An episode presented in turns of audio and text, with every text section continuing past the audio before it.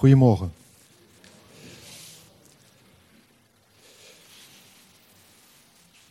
Ik hoorde de liederen die Gerben en Samantha hadden uitgekozen. Denk ik samen, Gerben.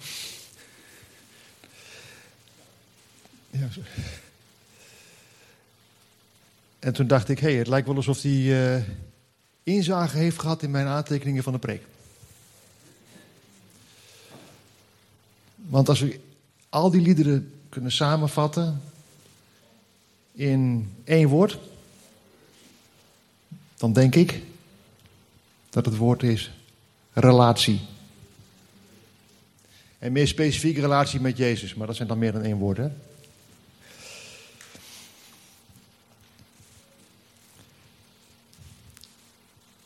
Ik heb geen leuke preek vandaag. Geen warme gevoelens, zingende kinderen, bloemetjes. Geen fijne feel-good preek. Maar ik denk dat het wel nodig is. Ik ga preken over wat ons allemaal te wachten staat. Ik ga het hebben over oordeel. Over tronen. Over keuzes. Consequenties van die keuzes. En om maar gelijk met de deur in huis te vallen. In de hemel staan twee tronen. Iedereen die ooit geleefd heeft, komt ooit ook voor één van die twee tronen te staan.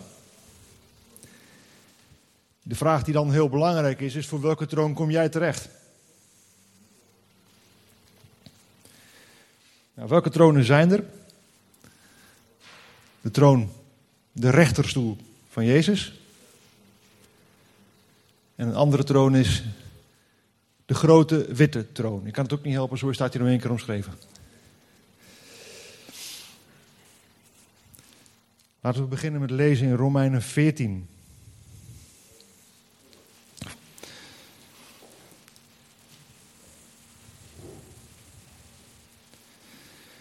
In Romeinen 14 vanaf vers 10, eigenlijk de tweede helft van vers 10.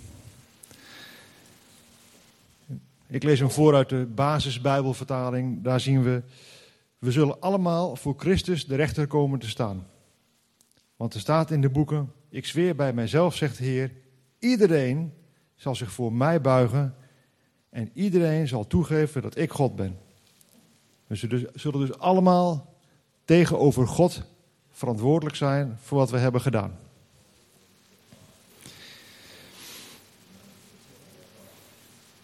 En openbaring 20. Vanaf vers 11. En ik zag een grote witte troon en hem die op de troon zit. De hemel en de aarde vluchtten voor hem weg en werden nooit meer gezien. En ik zag de doden, belangrijke en gewone mensen, klein en groot, voor God staan. En er werden boeken opengedaan. En er werd nog een ander boek opengedaan, het boek van het leven. En de doden werden geoordeeld naar wat er in de boeken over hen stond opgeschreven. Alles wat ze hadden gedaan, stond erin. Alle doden kwamen tevoorschijn, uit de zee, uit de dood en uit het dodenrijk. Ze werden allemaal geoordeeld, iedereen naar wat hij had gedaan. En de dood en het dodenrijk werden in de zee van brandende zwavel gegooid. Dat is de tweede dood, de zee van vuur. En als er iemands naam niet opgeschreven stond in het boek van het leven, werd hij in de zee van vuur gegooid.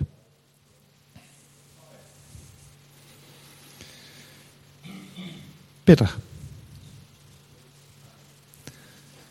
Pittig stukje, denk ik. En dan is het wel zaak dat je weet waar je terecht komt. Staat jouw naam in het boek van het leven? Kom jij voor de rechterstoel van Jezus? En wie komen daarvoor dan? Nou, in principe komen daar alle gelovigen. Als we kijken naar 2 Korinthe 5, vers 9 en 10, daar staat: Daarom doen we altijd ons uiterste best, zodat Hij, Jezus, tevreden over ons zal zijn. Het maakt daarbij niet uit of we hier in het lichaam wonen of bij de Heer wonen. Want op een dag zal Christus over ons allemaal recht spreken. Hij zal precies weten hoe we zijn. En dan zal iedereen krijgen wat hij verdiend heeft. Met de goede of slechte dingen die hij tijdens zijn leven op aarde heeft gedaan. Paulus die schrijft hier aan gelovigen. Een kerk in Korinthe. En hij gebruikt ook woorden als we en ons. Hij zal weten hoe we zijn. We zien ook gelijk in dit stukje wie er oordeelt. Jezus. En ook waarom. Waarom alle gelovigen voor die rechterstoel van Jezus komen te staan. En Paulus heeft er al eens eerder over geschreven, want dit is 2 Korinthe. En hij heeft daarvoor ook al een andere brief geschreven, 1 Korinthe.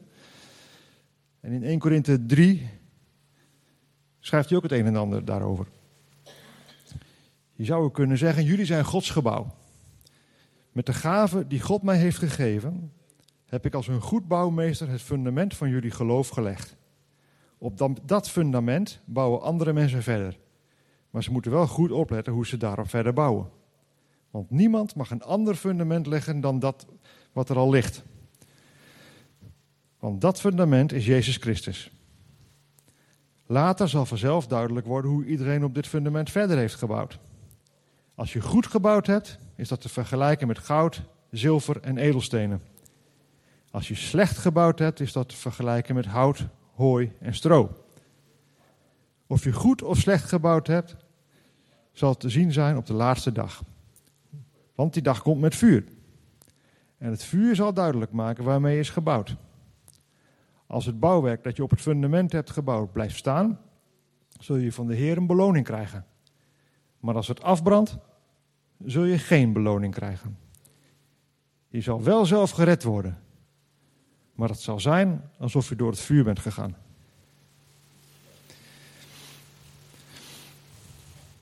Het doel is dus het belonen van de gelovigen.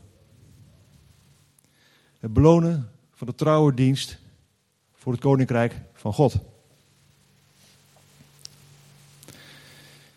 Oké, wanneer vindt dat dan plaats, dat hele oordeel? Nou, na de opname, tijdens de grote verdrukking, dan zijn we er toch niet hier.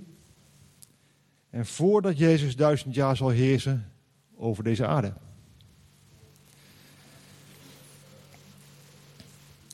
Zijn er criteria voor het oordeel? Ja. Maar er is geen veroordeling. Geen veroordeling.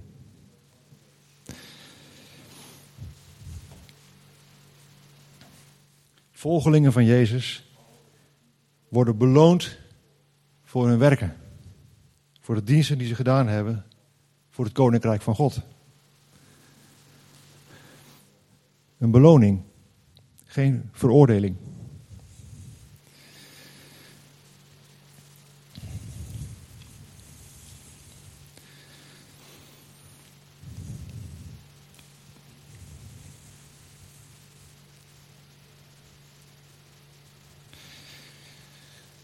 Even iets kwijt ben.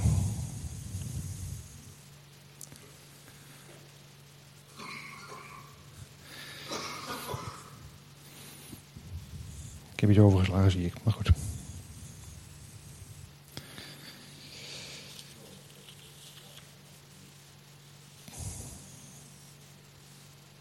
Ik ben heel stuk kwijt, zie. Maar goed. Maar wat zal het resultaat zijn van die beoordeling? De goede werken die je doet in de naam van Jezus zullen beloond worden. Je krijgt een voorproefje op de eeuwigheid die je in de aanwezigheid van God mag doorbrengen. Maar krijgen we dan allemaal hetzelfde? Nee. Welke motieven je gedaan, met welke motieven jij gedaan hebt? Waarom? Redenen? Dat zal bekeken worden. Waarom deed jij dingen voor God? Daar krijg je een beloning voor. Alles waarvoor de motieven niet oké waren, omdat je jezelf belangrijk wilde voelen of omdat je graag leuk gevonden wil worden. Dat soort motieven, die dingen zullen verbranden.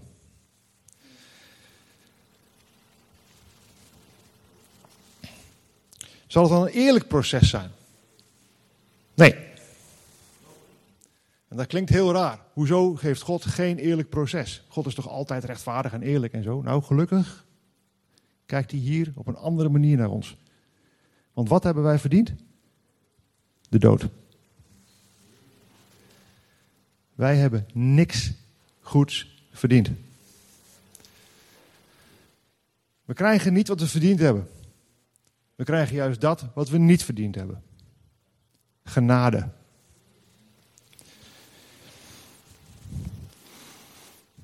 Jezus en wat Hij gedaan heeft, dat spreekt ons vrij van alle schuld. En al het andere kunnen wij doen omdat God ons dingen gegeven heeft, in ons gelegd heeft. Allemaal genade.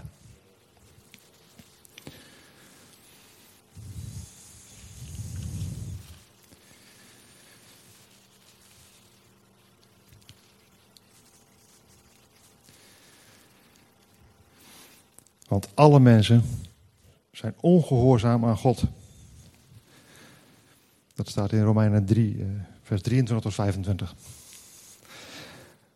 Alle mensen zijn ongehoorzaam aan God. Daardoor moeten alle mensen leven zonder de heerlijke aanwezigheid van God in hun leven. Maar Gods liefdevolle goedheid, door Gods liefdevolle goedheid worden ze vrijgesproken van hun schuld. Niet omdat ze dat verdienen, maar dankzij Jezus Christus. God heeft hem gegeven als manier om de vriendschap tussen God en de mensen te herstellen. Namelijk door Jezus dood. Mensen die dat geloven, kunnen vergeving krijgen voor wat ze verkeerd gedaan hebben. Eerst, door God de ongehoorzaamheid van de, eerst heeft God de ongehoorzaamheid van de mensen ongestraft gelaten. Dat was in de tijd voor Jezus dood.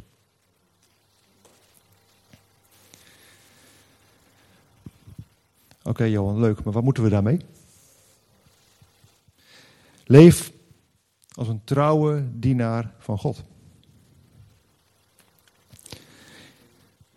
Leef met je ogen gericht ook op God in het licht van de eeuwigheid. Wat wil God? Oordeel de anderen niet. Het is zo makkelijk. Hè? Het is zo makkelijk om te oordelen. Jij denkt anders dan ik, dus jij denkt het fout en daarmee ben jij fout. En klik, klik, klik. De ene oordeel naar de andere komt opgestapeld. Oordeel anderen niet. Vertrouw erop dat God zal oordelen en dat jij zijn wijsheid niet hebt, maar hij wel.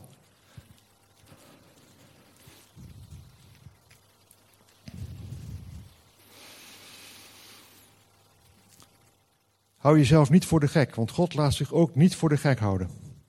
Wat je zaait, zul je ook oogsten. Dus als je slechte dingen zaait, door alleen maar te doen wat je zelf wil, zul je ellende en dood oogsten.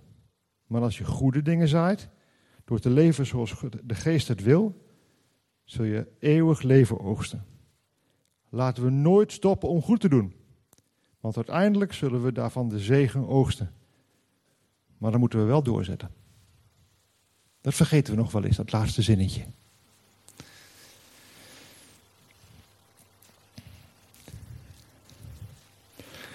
Doorzetten.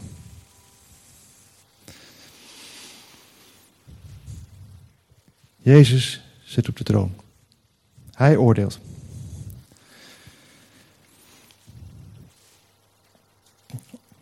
Op een dag zal Jezus Christus terugkomen. Hij is de koning. Hij zal dan oordelen over de levenden en de doden. Wat is het doel van het oordeel? Van de grote witte troon? Hen te oordelen die zich tegen Gods rechtvaardigheid hebben verzet. En wanneer vindt dat oordeel plaats? Het oordeel voor de grote witte troon. Na het duizendjarig vrederijk. Voorafgaand aan de zee van vuur. In openbaring 20 vinden we daar wat van terug. En die heb ik eigenlijk net al voorgelezen. Zag een grote witte troon en hem die op de troon zit. De hemel en de aarde vluchtten voor hem weg en werden nooit meer gezien. En ik zag de doden, belangrijke en gewone mensen, klein en groot, voor God staan. En er werden boeken opengedaan. En er werd nog een ander boek opengedaan, het boek van het leven. En de doden werden geoordeeld naar wat er in de boeken over hen stond opgeschreven. Alles wat ze hadden gedaan stond erin. Alle doden kwamen tevoorschijn, uit de zee, uit de dood en uit het dodenrijk. Ze werden allemaal geoordeeld, iedereen naar wat hij had gedaan. En de dood en het dodenrijk werden in de zee van brandende zwavel gegooid. Dat is de tweede dood, de zee van vuur. En als iemands naam niet opgeschreven stond in het boek van het leven, werd hij in de zee van vuur gegooid.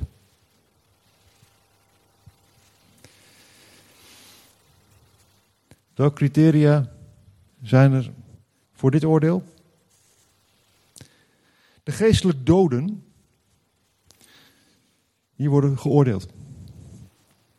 Er wordt gekeken, staat jouw naam in het boek van het leven? En daarmee, als dan het antwoord nee is, is er geen verdediging mogelijk. Je kan niet in hoger beroep.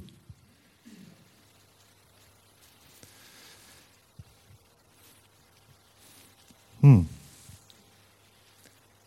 Als dat moment aangebroken is en je kunt niet meer in hoger beroep, wat dan?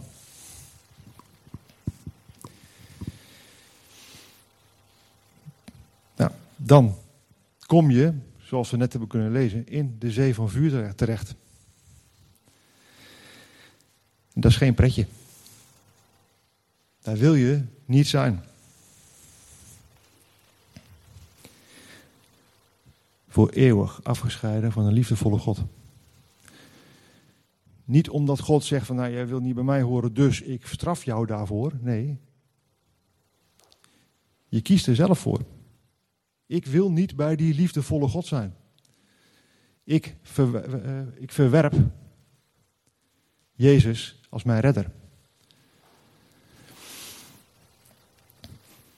En dan zegt God eigenlijk dus gewoon: Oké, als je dat wil, dan moet het maar.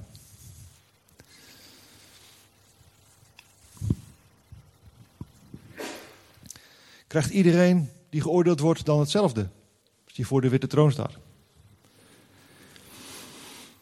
Nou, iedereen die voor de rechter op de grote witte troon staat, en dat is dus Jezus, komt er te staan. Die zal veroordeeld worden, maar het vuur, het lijkt er toch wel op dat het voor de een heter is dan voor de ander.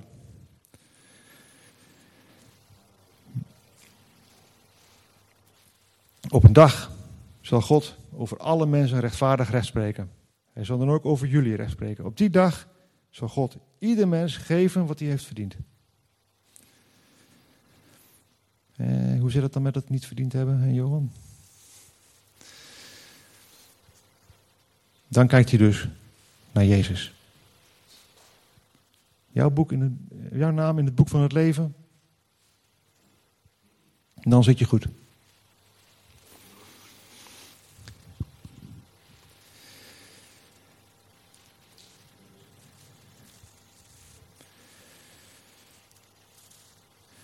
Alle doden en de dood eh, kwamen tevoorschijn uit de zee, uit de dood en uit het dodenrijk.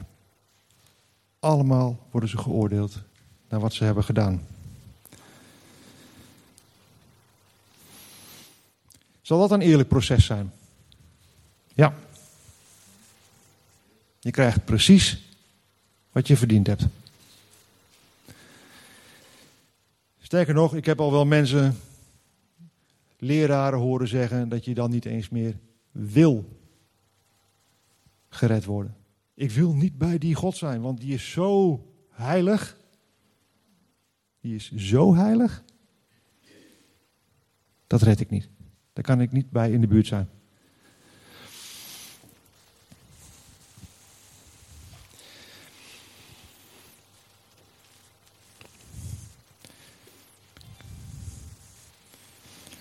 God houdt zoveel van de mensen dat hij zijn enige zoon aan hen heeft gegeven.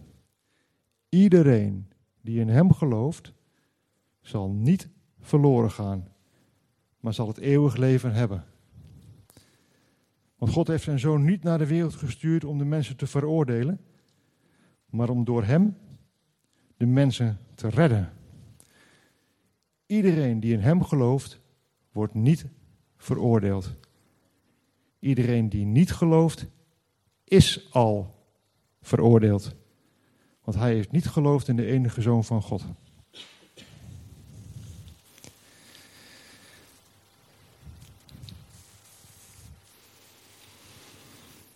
En daarmee zien we dus dat jij de keus hebt. Je hoeft niet voor die grote witte troon komen te staan. Het hoeft niet. Jij hoeft niet in de poel van vuur terecht te komen. Maar je moet wel een keus maken. En hoeveel tijd heb je? Ik weet niet of jullie wel eens een cadeaubon gekregen hebben. Met een verjaardag of zo. En sommige van die cadeaubonnen, daar staat een houdbaarheidsdatum op. Ik denk dat Gerben, die, eh, die begint al een beetje te lachen. Die denkt, die denkt dat je door hebt waar ik naartoe wil.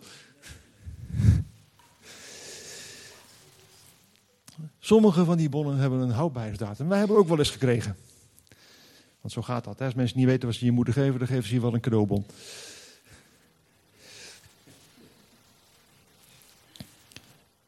En dan op een gegeven moment dan ga je dat laadje waar die dingen liggen eens doorspitten. Oh ja, we hebben ook nog allerlei bonnen. VVV-bonnen en boekenbonnen en noem maar op. En dan ontdek je, hé, hey, ik heb hier een VVV-bon, 25 euro. Oh, dat is een leuke, die kunnen we mooi gebruiken. Oh, die is vorig jaar januari is die over datum gegaan. Kennen jullie dat? Wel eens zo'n bon gevonden?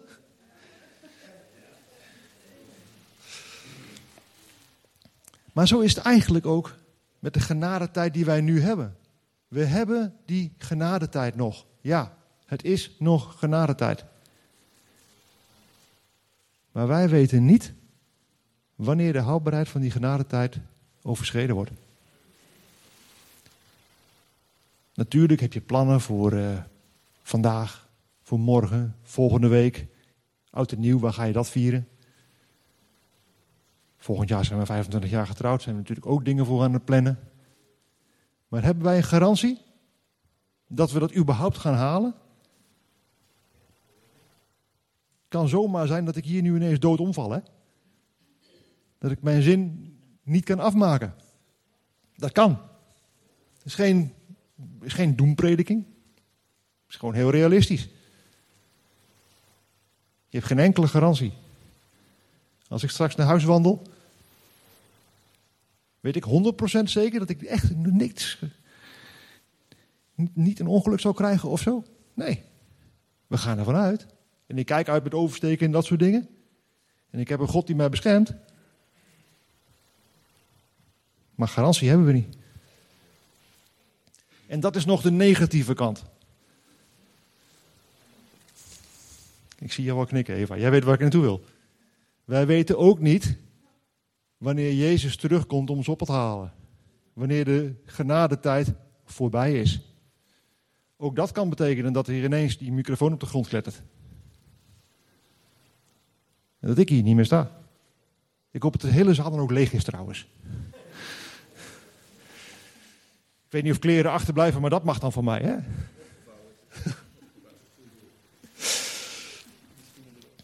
maar dat weten we niet, hè? Op dat moment kunnen wij niet prikken, want, dat zegt Jezus ook, niemand weet wanneer je dat moment zal aanbreken. Hij weet het zelf niet. De engelen weten het niet, alleen God de Vader weet het.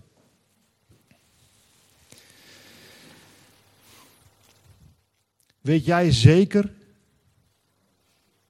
weet jij zeker voor welke troon jij komt te staan? De rechterstoel van Jezus, goed gedaan, dit heb je goed gedaan, dat heb je goed gedaan. Over weinig ben je trouw geweest, over veel zal ik je stellen. Of kom je voor de grote witte troon? Jouw naam staat niet in het boek van het leven.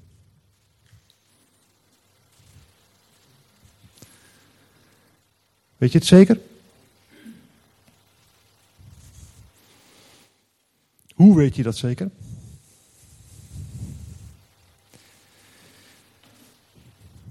Ik heb hem eigenlijk al gelezen, hè? Johannes 3, vers 16.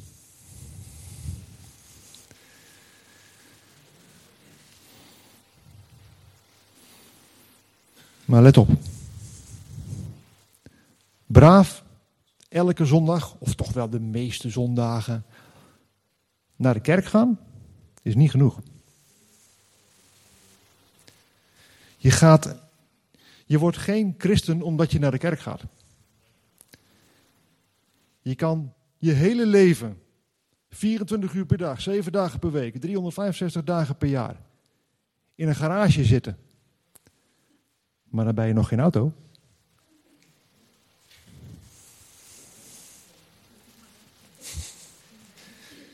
Je moet die keuze maken. Je moet bouwen aan je relatie met Jezus. En we houden het niet zo van het woordje moet. Maar, als ik, maar toen ik ging trouwen met Daphne, toen zei de ambtenaar van de burgerlijke stand in het inleidende praatje dat ik uh, de vraag ga krijgen van, uh, of we wil, bereid zijn te doen wat uh, in de wet staat over de huwelijkse staat. En dat is, bedoel ik natuurlijk, dat je dan zegt ja. Maar wat staat er in die wet? Nou, bijvoorbeeld dat je voor elkaar zorgt. Bijvoorbeeld dat je bij elkaar in hetzelfde huis woont. Dat zijn allemaal dingen die je voor de wet moet doen. Maar als je wilt trouwen, is dat niet moeilijk, toch? Dan wil je dat heel graag. Je wil graag bij elkaar in huis wonen, voor elkaar zorgen. Het lukt niet altijd, ik weet het. Er zijn omstandigheden dat het even niet lukt.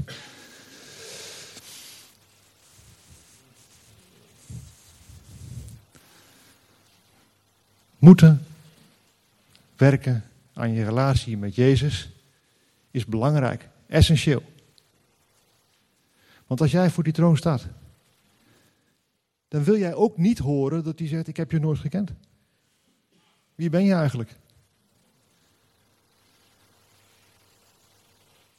Werk aan je relatie met Jezus. Lees de Bijbel. Bid. Dat ken jij wel. Dat liedje. Lees je Bijbel. Bid elke dag, lees je Bijbel, bid elke dag, je groeien mag, je groeien. Dankjewel Henk. Het is zo'n simpel kinderliedje, maar zo ontzettend waar. Lees je Bijbel. Bid elke dag. Als ik overdag niet een keertje met Daphne praat, dan vraagt ze zich ook af wat er mis is. En andersom trouwens ook.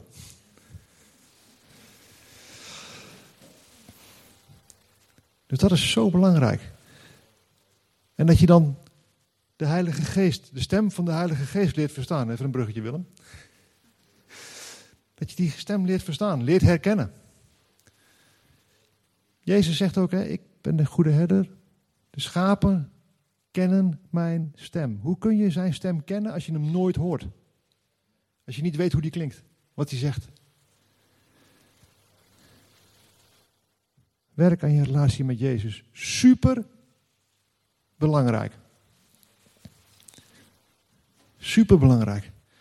En als jij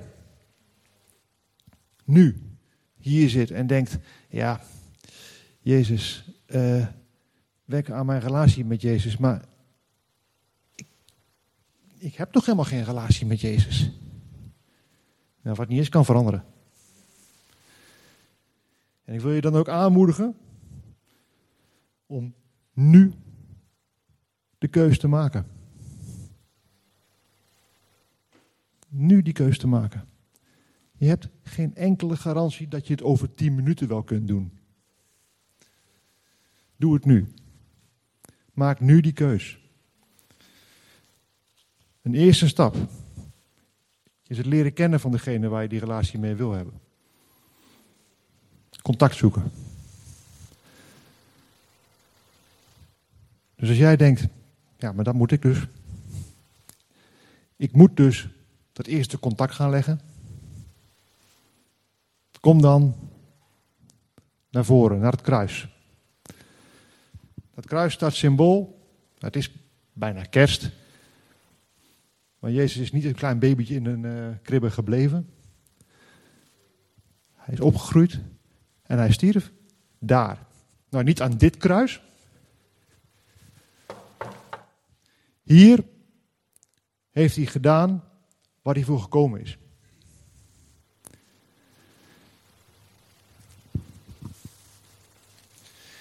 En volgens mij ben ik al veel te lang aan het woord, Willem. Waar kom jij terecht? Als je het niet zeker weet, kom naar het kruis. Als je denkt, je hebt een goed punt, ik moet inderdaad werken aan mijn relatie, kom ook gewoon naar het kruis. Voor het eerst of opnieuw, maakt niet uit. Maakt het voor diegene voor wie het voor het eerst is ook makkelijker trouwens. Want dan staat niemand te kijken van, oh, wat gebeurt daar nou? Maak die keuze. Vandaag. Kies vandaag wie je dienen zult. Maar ik en mijn huis, wij zullen de Heeren dienen. Amen.